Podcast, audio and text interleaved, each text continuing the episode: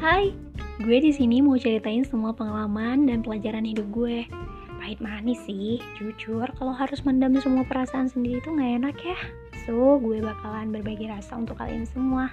Semoga kalian suka dan bisa menjadi pelajaran dan manfaat ya.